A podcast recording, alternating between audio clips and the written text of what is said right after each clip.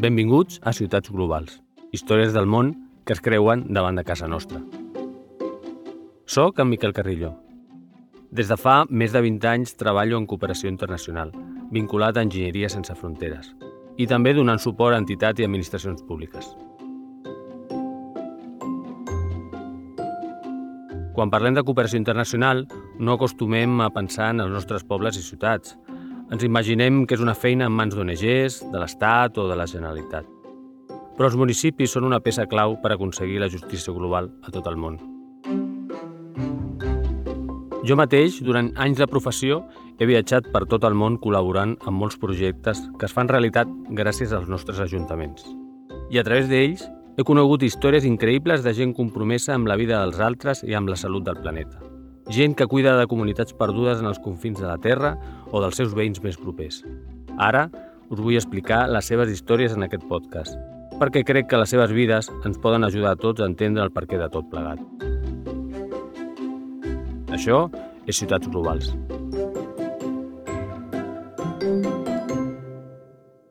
El 1997 vaig marxar a Nicaragua a complir amb la meva prestació social substitutòria allò que en aquells anys havien de fer els que no volien sentir a parlar de servir a l'exèrcit. Aquell país i tot el que vaig viure allà em va transformar. Suposo que com a molta gent que ha tingut l'ocasió de conèixer i treballar-hi. Nicaragua ja no era el far revolucionari d'Amèrica Llatina, però moltes coses havien quedat d'aquella experiència engrescadora, alhora que traumàtica. Una d'elles eren les dones. Dones valentes i decidides, que a la rereguarda havien hagut de treure endavant un país enfonsat en la guerra contrarrevolucionària. Moltes d'elles també havien anat al front o a collir el cafè a les muntanyes, necessari per continuar rebent divises, lluny de les seves llars, emancipant-se com a molts pocs llocs del continent. Nicaragua als anys 80 era dels pocs països llatinoamericans on una dona podia avortar o divorciar-se lliurement. Però el masclisme i el patriarcat necessiten moltes revolucions i molta força per desaparèixer. Ni tan sols aquella experiència va evitar que molts anys després la violència masclista continuï existint i amenaçant la vida de tantes nenes, dones i famílies senceres.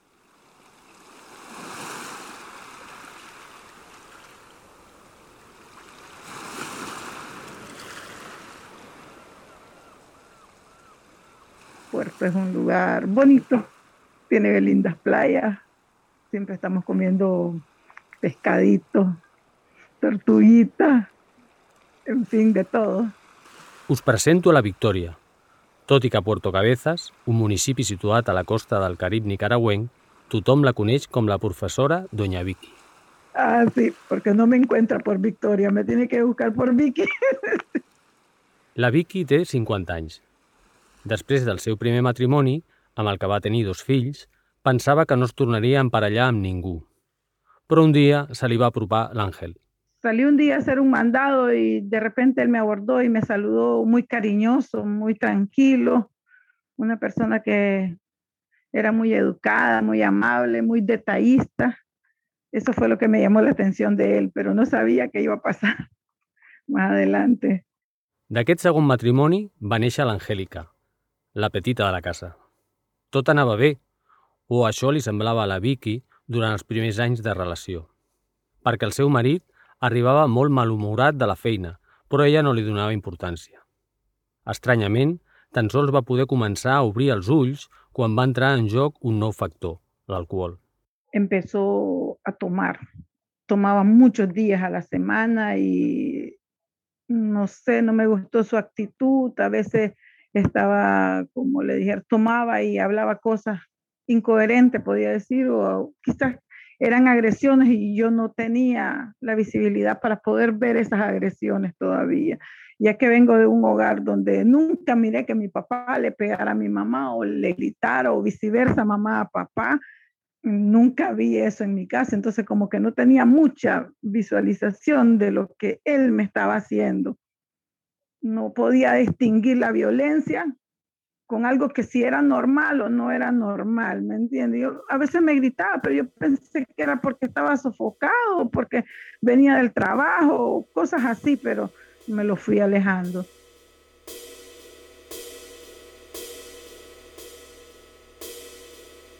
nos separamos y yo lo dejé.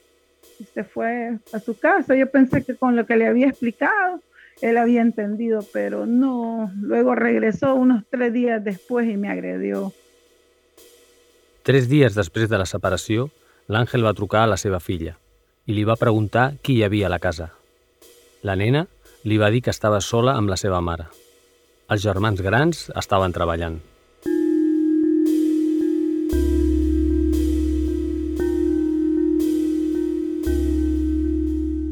Faltaban 20 minutos para las 2, yo soy maestra. Yo enseño a leer a los niños en mi casa. Tengo tal vez como siete niños y yo estaba esperando esos 20 minutos para empezar a trabajar.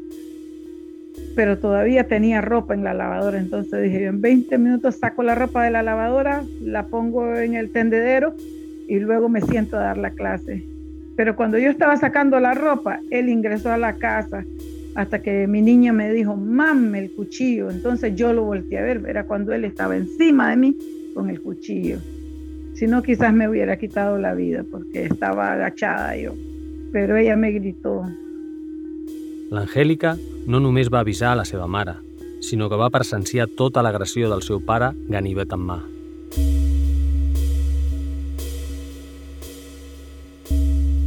Ahí estuvimos ahí forcejando, forcejando, intenté quitarle el cuchillo con esta otra mano. Luego lo agarré del cuello de su camisa, no sé, bendito sea Dios, y la fuerza que Él me dio, lo agarré, y lo metí por donde está una, la refrigeradora y la mesa del comedor abajo, lo estampé ahí, me levanté y corrí, pero ya tenía varias puñaladas en mi cuerpo, pero bendito Dios, no, no perdí mi vida. Va ser un miracle.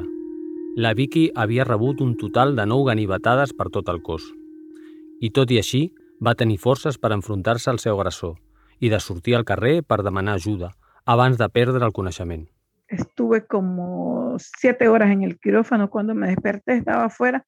Al lado derecho mío estaban todos los médicos. Al lado izquierdo habían como unos, no sé, ocho policías, creo. No, no conté. Estuve muy mal. Però en aquella habitació d'hospital hi havia algú més. En aquell moment de dificultat de la Vicky, el moviment de dones Nidia White va entrar en la seva vida.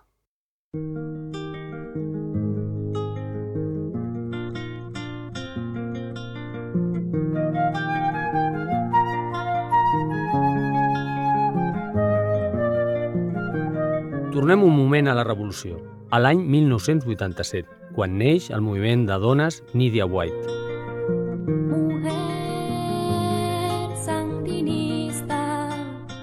A la regió de la costa Carib, un grup de dones es va unir per ajudar-se després de la pèrdua dels seus marits i fills durant la guerra. Però també es van organitzar per participar en el procés de construcció autonòmica de la seva regió. Una de les seves veus més emblemàtiques va ser la de la Nidia White, una jove que va morir assassinada a la capital mentre representava el seu municipi. El moviment de dones va adoptar el seu nom per identificar-se amb la seva heroïna regional i homenatjar-la.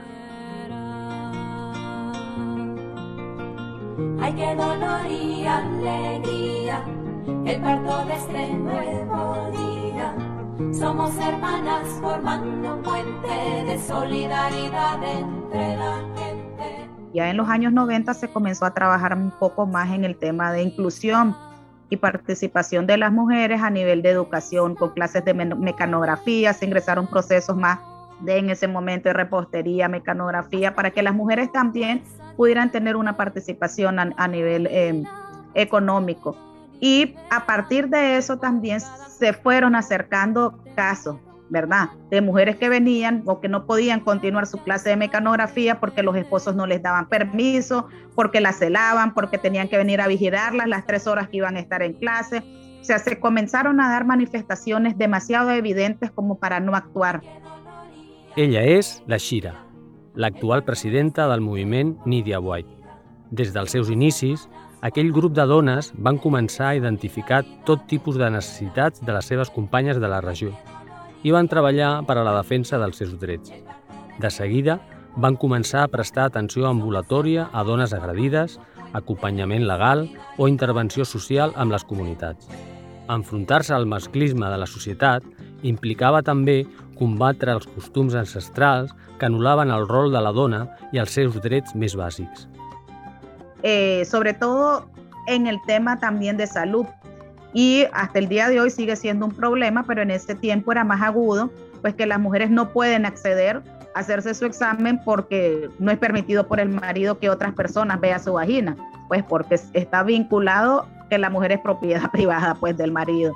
Los cuerpos son tuyos, los cuerpos, y digo esto es de los cuerpos porque, por ejemplo, en la lengua misquita, que es una de las lenguas que predomina, ni siquiera hay un término lingüístico para decir vagina. Ahí ya te están censurando lingüísticamente y eso obviamente tiene su connotación también. Ahorita todavía hay matrimonios arreglados, ¿verdad? Donde llega un hombre y le dice, me llevo a tu hija y te voy a dar dos vacas o te voy a dar esto porque se siente aún que son, somos propiedad privada. O sea, que el que nos quiera nos puede tomar. Durant 33 anys, el moviment Nidia White ha treballat per a la prevenció i la sensibilització de les comunitats de la zona, a la vegada que ha posat en marxa iniciatives com línies de crèdit per a dones emprenedores o ajuda burocràtica amb tràmits tan bàsics com fer un DNI, sempre a prop de les seves veïnes, víctimes de la violència estructural i de la impunitat dels seus agressors.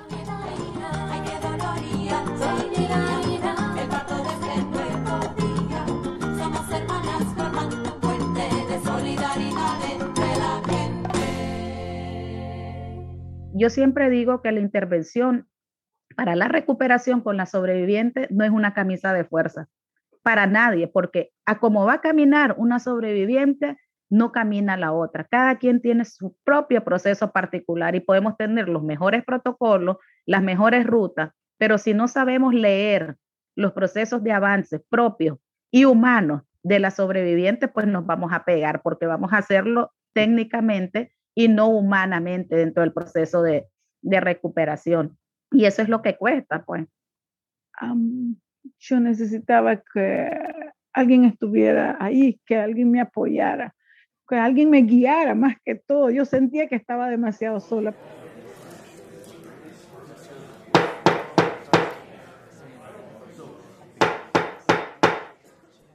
Después, cuando salí del hospital, como a los siete días, tuve que ir al juzgado, que fue muy difícil porque se me hacía difícil verlo. No quería verlo y me, me dio un ataque como de nervios, no sé, no podía hablar.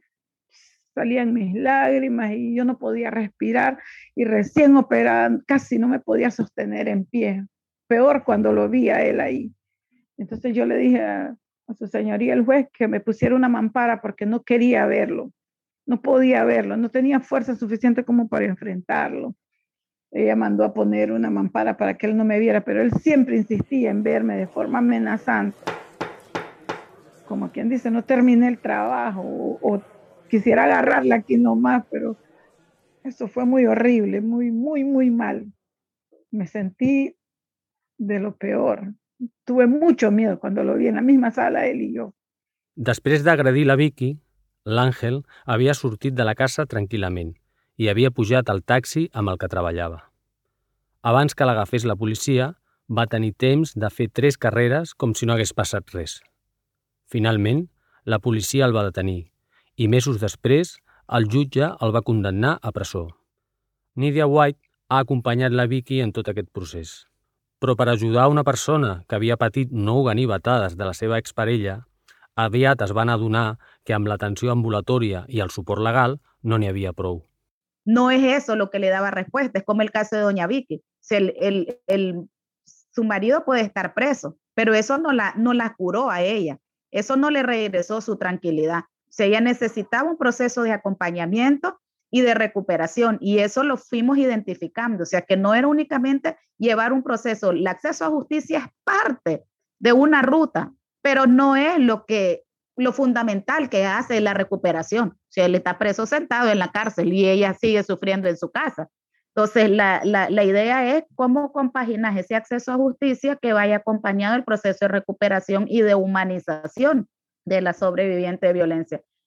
A veces no podía salir del cuarto por la noche, si todo estaba oscuro a mí me daba miedo. Entonces yo dije, esto no es normal, tengo que buscar ayuda psicológica, porque esto no es algo normal, no puedo seguir así.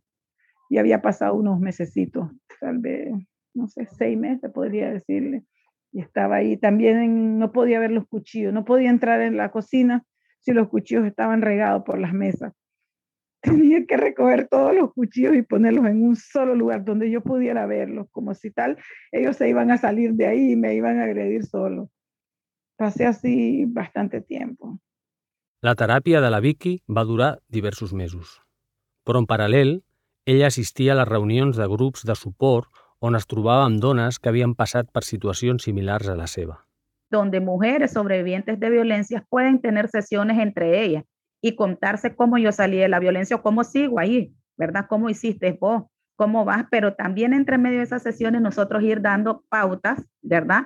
De qué cosas pueden tomar, porque las decisiones, simplemente nosotras somos facilitadoras de camino, no tomamos decisiones por la vida de las mujeres. Lo que no queremos es que ellas sientan que están solas y que hay alguien que al menos les dice, mira, por aquí hay un orificio y que podés poner los ojos para poder ver Em, al otro lado de, ese mundo que tal vez no es tan fácil, pero que, pero que sí hay una luz ahí. Yo sentía esa fuerza como para ponerme de pie, para decir esto tiene que seguir, esto no se va a quedar aquí, no me voy a quedar aquí, voy a seguir adelante, ¿me entiendes? Em, no sé, me sentía bien, bien acompañada, bien acogida. Yo iba a los juzgados, yo nunca iba sola, siempre estaba alguien ahí dos, tres personas para acompañarme. Incluso yo tenía visitas en casa, todos los días llegaban a verme, eso me fortalecía mucho, mucho. Siempre me decían que no hay que quedarse ahí, hay que seguir adelante. Ah, no hay que detener la vida, si la vida sigue hay que seguirla y pararse y continuar adelante.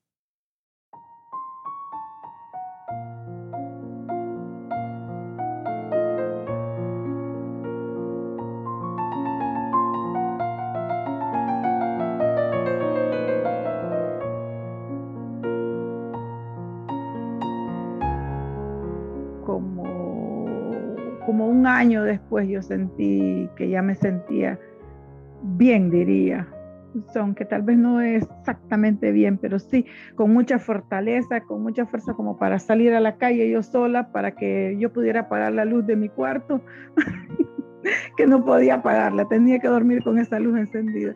Entonces dije yo, no, ya es tiempo para apagar la luz, salir sola y, caminar por la casa sola también, no es grande la casa, pero para yo ir de mi cuarto a la cocina, al refrigerador a traer agua, yo tenía que llamar a alguien para que me acompañara y entonces yo dije, no, y ahora sí ya me siento bien, ya puedo hacerlo sola, ya puedo platicar con otras personas, e incluso yo le tenía miedo a las mismas mujeres, otras mujeres que no conocía, yo también le tenía miedo. No es como normal eso, porque pensaba como que pensaba que podía sufrir otra agresión. Mm, no tenía confianza con nadie. Pero ya después de un año sí, ya he sentido que volví bastante a la normalidad. I la normalitat de la que parla la Vicky incorpora una nova manera de veure el món. Perquè en la teràpia i en les converses amb supervivents de la violència de gènere hi havia nous aprenentatges. Yo puedo ver, solo con voltear a ver, yo sé si el varón está violentando a la dama en, un ratito, en tal vez tres, cuatro minutos, yo puedo saber. O con solo lo que le contesta, yo puedo saber. Pero antes no tenía, quizás no podía verlo, no tenía, como le dijera, esa visualización, no se me había caído exactamente la venda de los ojos para yo poder ver una situación de esa clase. Es lo siento, lo puedo sentir, lo puedo ver perfectamente bien, sea en casa, en la calle o con la vecina, se me hace más fácil ahora.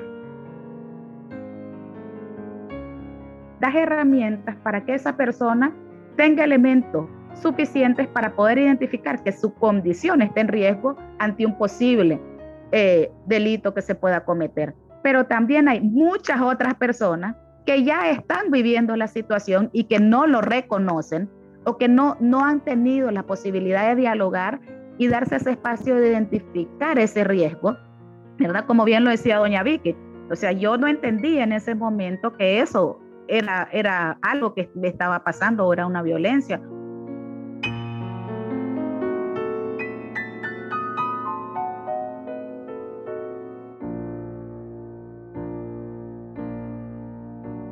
La Vicky va poder viure tot el seu procés de recuperació a casa seva, perquè la seva parella havia sigut detinguda el mateix dia en què li va clavar les nou ganivetades. Però en la majoria d'ocasions, les agressions son cotidianas e invisibles para la justicia. Nos encontrábamos con mujeres que venían a poner denuncia y tenían horror regresar a su casa. O sea, nos tocaba que una se la llevaba un día a su casa, el otro día a la otra, o le teníamos que acomodar un espacio en la oficina, porque no simplemente no se sentían seguras retornar a sus casas. Entonces, era evidente y claro la necesidad de tener un, un albergue, un espacio donde las mujeres pudieran sentirse seguras. Lo que nosotras nunca nos esperamos en todo este proceso era que el albergue, o sea, nos preparamos, vamos a atender mujeres que vienen con sus hijos, entonces tenemos que estar también preparadas para dar un servicio a niñas y niños. Nunca nos esperábamos que íbamos a tener un albergue atendiendo única y exclusivamente, o sea, el 90% de los servicios de atención a niñas. Y cuando digo niñas, estoy hablando de niñas entre 4 a 14, 12 años, mayoritariamente sobrevivientes de abuso sexual el 90%. Actualment, la major part de dones i nenes de l'alberg són enviades per líders comunitaris o per la pròpia policia, perquè Nidia White és l'única organització que acull i atén aquests casos en tota la costa carib de Nicaragua. I l'arribada de cada nova persona buscant acollida confirma que, després de 33 anys de feina, el cicle de la violència segueix perpetuant-se a la regió. Primero, tus dueños son tus padres. Después de tus padres estás preparada para el marido. Y esa es tu cadena cíclica de vida que tenés que llevar. Parir, si no parís, sos anormal, ¿verdad? No estás bien, no estás bendecida, o sea, estás castigada. Alguna maldición estás pagando para comenzar, ¿verdad? Segundo, la virginidad te marca todo. O sea, las niñas que viven abuso se cree después que tienen cancha libre para que cualquiera haga con ellas lo que quiera porque ya perdieron su valor como mujeres. El procés de recuperació dels infants que han viscut directa o indirectament la violència a les seves llars és molt complexa. De fet, en alguns casos, dura tota la vida. Recordeu la filla de la Vicky, l'Angèlica? Com es pot viure després de presenciar com el teu pare intenta assassinar a la teva mare? La chiquita sí tuve mucho problema con la chiquita después del suceso porque se encerró en sí, no hablaba, dejó de hablar, tenía 12 años, casi los 13, pero dejó de hablar como dos meses. No se comunicaba con nosotros, se sentaba en la sala y no se movía, estaba mucho tiempo, tal vez podía pasar dos, tres horas sin hablar, sin moverse. Fue difícil esa parte nos costó tal vez seis meses para que ella volviera a hablar, porque ella fue la que presenció todo. De nou, l'acompanyament psicològic va anar aportant una certa pau a la familia. Mi hermano mayor la llevaba todos los días por la tarde y ahí la psicóloga platicaba con ella. Incluso ella me decía, mam, la psicóloga me puso a hacer una carta para mi papá y yo se la hice sí, está bien, yo le decía, correcto, a veces la ponía a dibujar, así, a cosas, pero normal, ella, yo nunca, yo nunca ofendo, yo nunca digo, sí, ese señor, mira lo que me hizo, no, yo siempre le digo, no sé qué le pasó, siempre trato porque él es su papá y yo soy su mamá, no la puedo poner entre la espada y la pared o escogerlo a él y déjame a mí o a mí, a él, no se puede, entonces siempre tiene que ir, ahí tiene que haber una armonía sí tiene un conflicto, pero yo he tratado de que ella no, no esté odiando, que no tenga ese rencor adentro, porque eso no es bueno para ella ni para mí. Ara, l'Angèlica està acabant el batxillerat i per les tardes està aprenent pastisseria. Però en el futur vol estudiar una altra carrera. Um, aquí nosotros las mujeres pues siempre tratamos de que las hijas vayan a una escuela, que estudien, que tengan algo, una carrera, alguna cosa que les pueda servir en el futuro para poder mantenerse, para que no tengan que depender de, un esposo, de un varón, de otra persona, para poder mantenerse ella sola. Siempre trato, yo pues como en mi familia, yo siempre trato de que mis hijas tengan algo, aprender algo, ya sea un oficio, una carrera, algo para que ellas puedan mantenerse y no tenga que tener dependencia de nadie pero en el futuro dice ella que va a estudiar psicología, porque como ella necesitó una Entonces ella piensa que con estudiando psicología ella puede ayudar a otras niñas, a otros niños o a otras personas.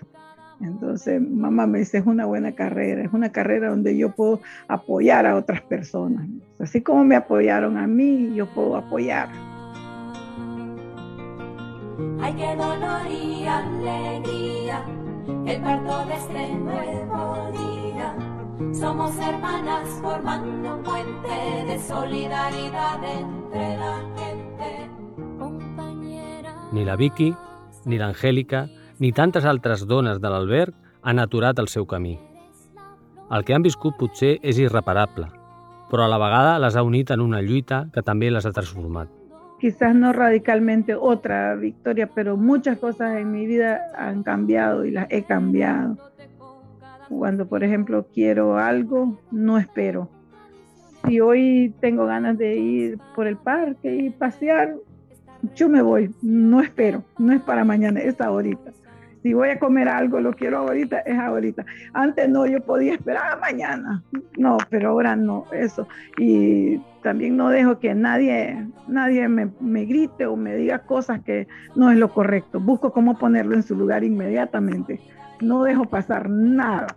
Y a veces me dicen los vecinos, no, no es la misma Vicky de antes, me dicen, no, no soy la misma, ya no voy a ser la misma, nunca. Cambia uno, mucho.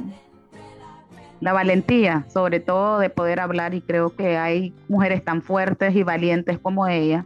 Y uno dice, a veces cuando quieres botar la gorra por tantas cosas, decís, estas son las cosas que valen la pena continuar haciendo lo que uno hace tener personas como, como doña Vicky, así fuertes, capaces, sin rendirse, que hay un futuro ahí el cual puede alcanzar y puede ser feliz y, y puede salir adelante de todo.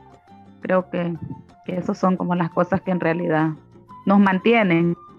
I l'alberg de Nídia White també es manté gràcies al compromís constant de l'Associació d'Amics de Puerto Cabezas i al suport de municipis com Vilafranca del Penedès, Sant Pere de Ribes, Barcelona, Castellbisbal, Sant Gregori i Subirats.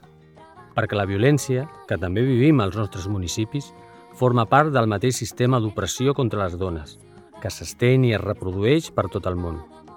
No serveix de res combatre'l només a prop casa i pensar que les ganivetades a l'altra banda del mar no ens afectaran, o deixar els problemes de les dones, com sempre, per un altre moment. nos pasó ahorita con el contexto de COVID y huracán, todo el mundo decía, pero tienen que parar y nosotros paramos como dos semanas por y teníamos a las pobres mujeres allá afuera en el portón. Y entonces yo les digo, miren, lo siento, pero no podemos parar, o sea, si eso es nuestra, nuestro fin. Estamos aquí ahora en estos momentos cuando más nos necesitan, si las mujeres están más tiempo en sus casas con, con sus agresores, pues es cuando más nos van a necesitar. Las niñas están encerradas, no están yendo a clase, están más expuestas o sea, y, qué pasa si nosotras también cerramos? Eh, ¿Qué es lo que va a pasar? Entonces, ¿qué mecanismos utilizamos para que las mujeres no se sientan desprotegidas y que sientan que estamos ahí? Pero a mí no me van a decir que va a venir una niña abusada una señora yo le voy a decir, váyase dos metros allá y yo le voy a hablar y me va a contar su caso a dos metros. Lo siento, me tendré que poner una doble mascarilla, pero eso no lo voy a hacer. Puede más la necesidad de servicio, de saber que, que estás aquí, ¿verdad? Y que si nosotros no estuviéramos, ¿qué pasaría?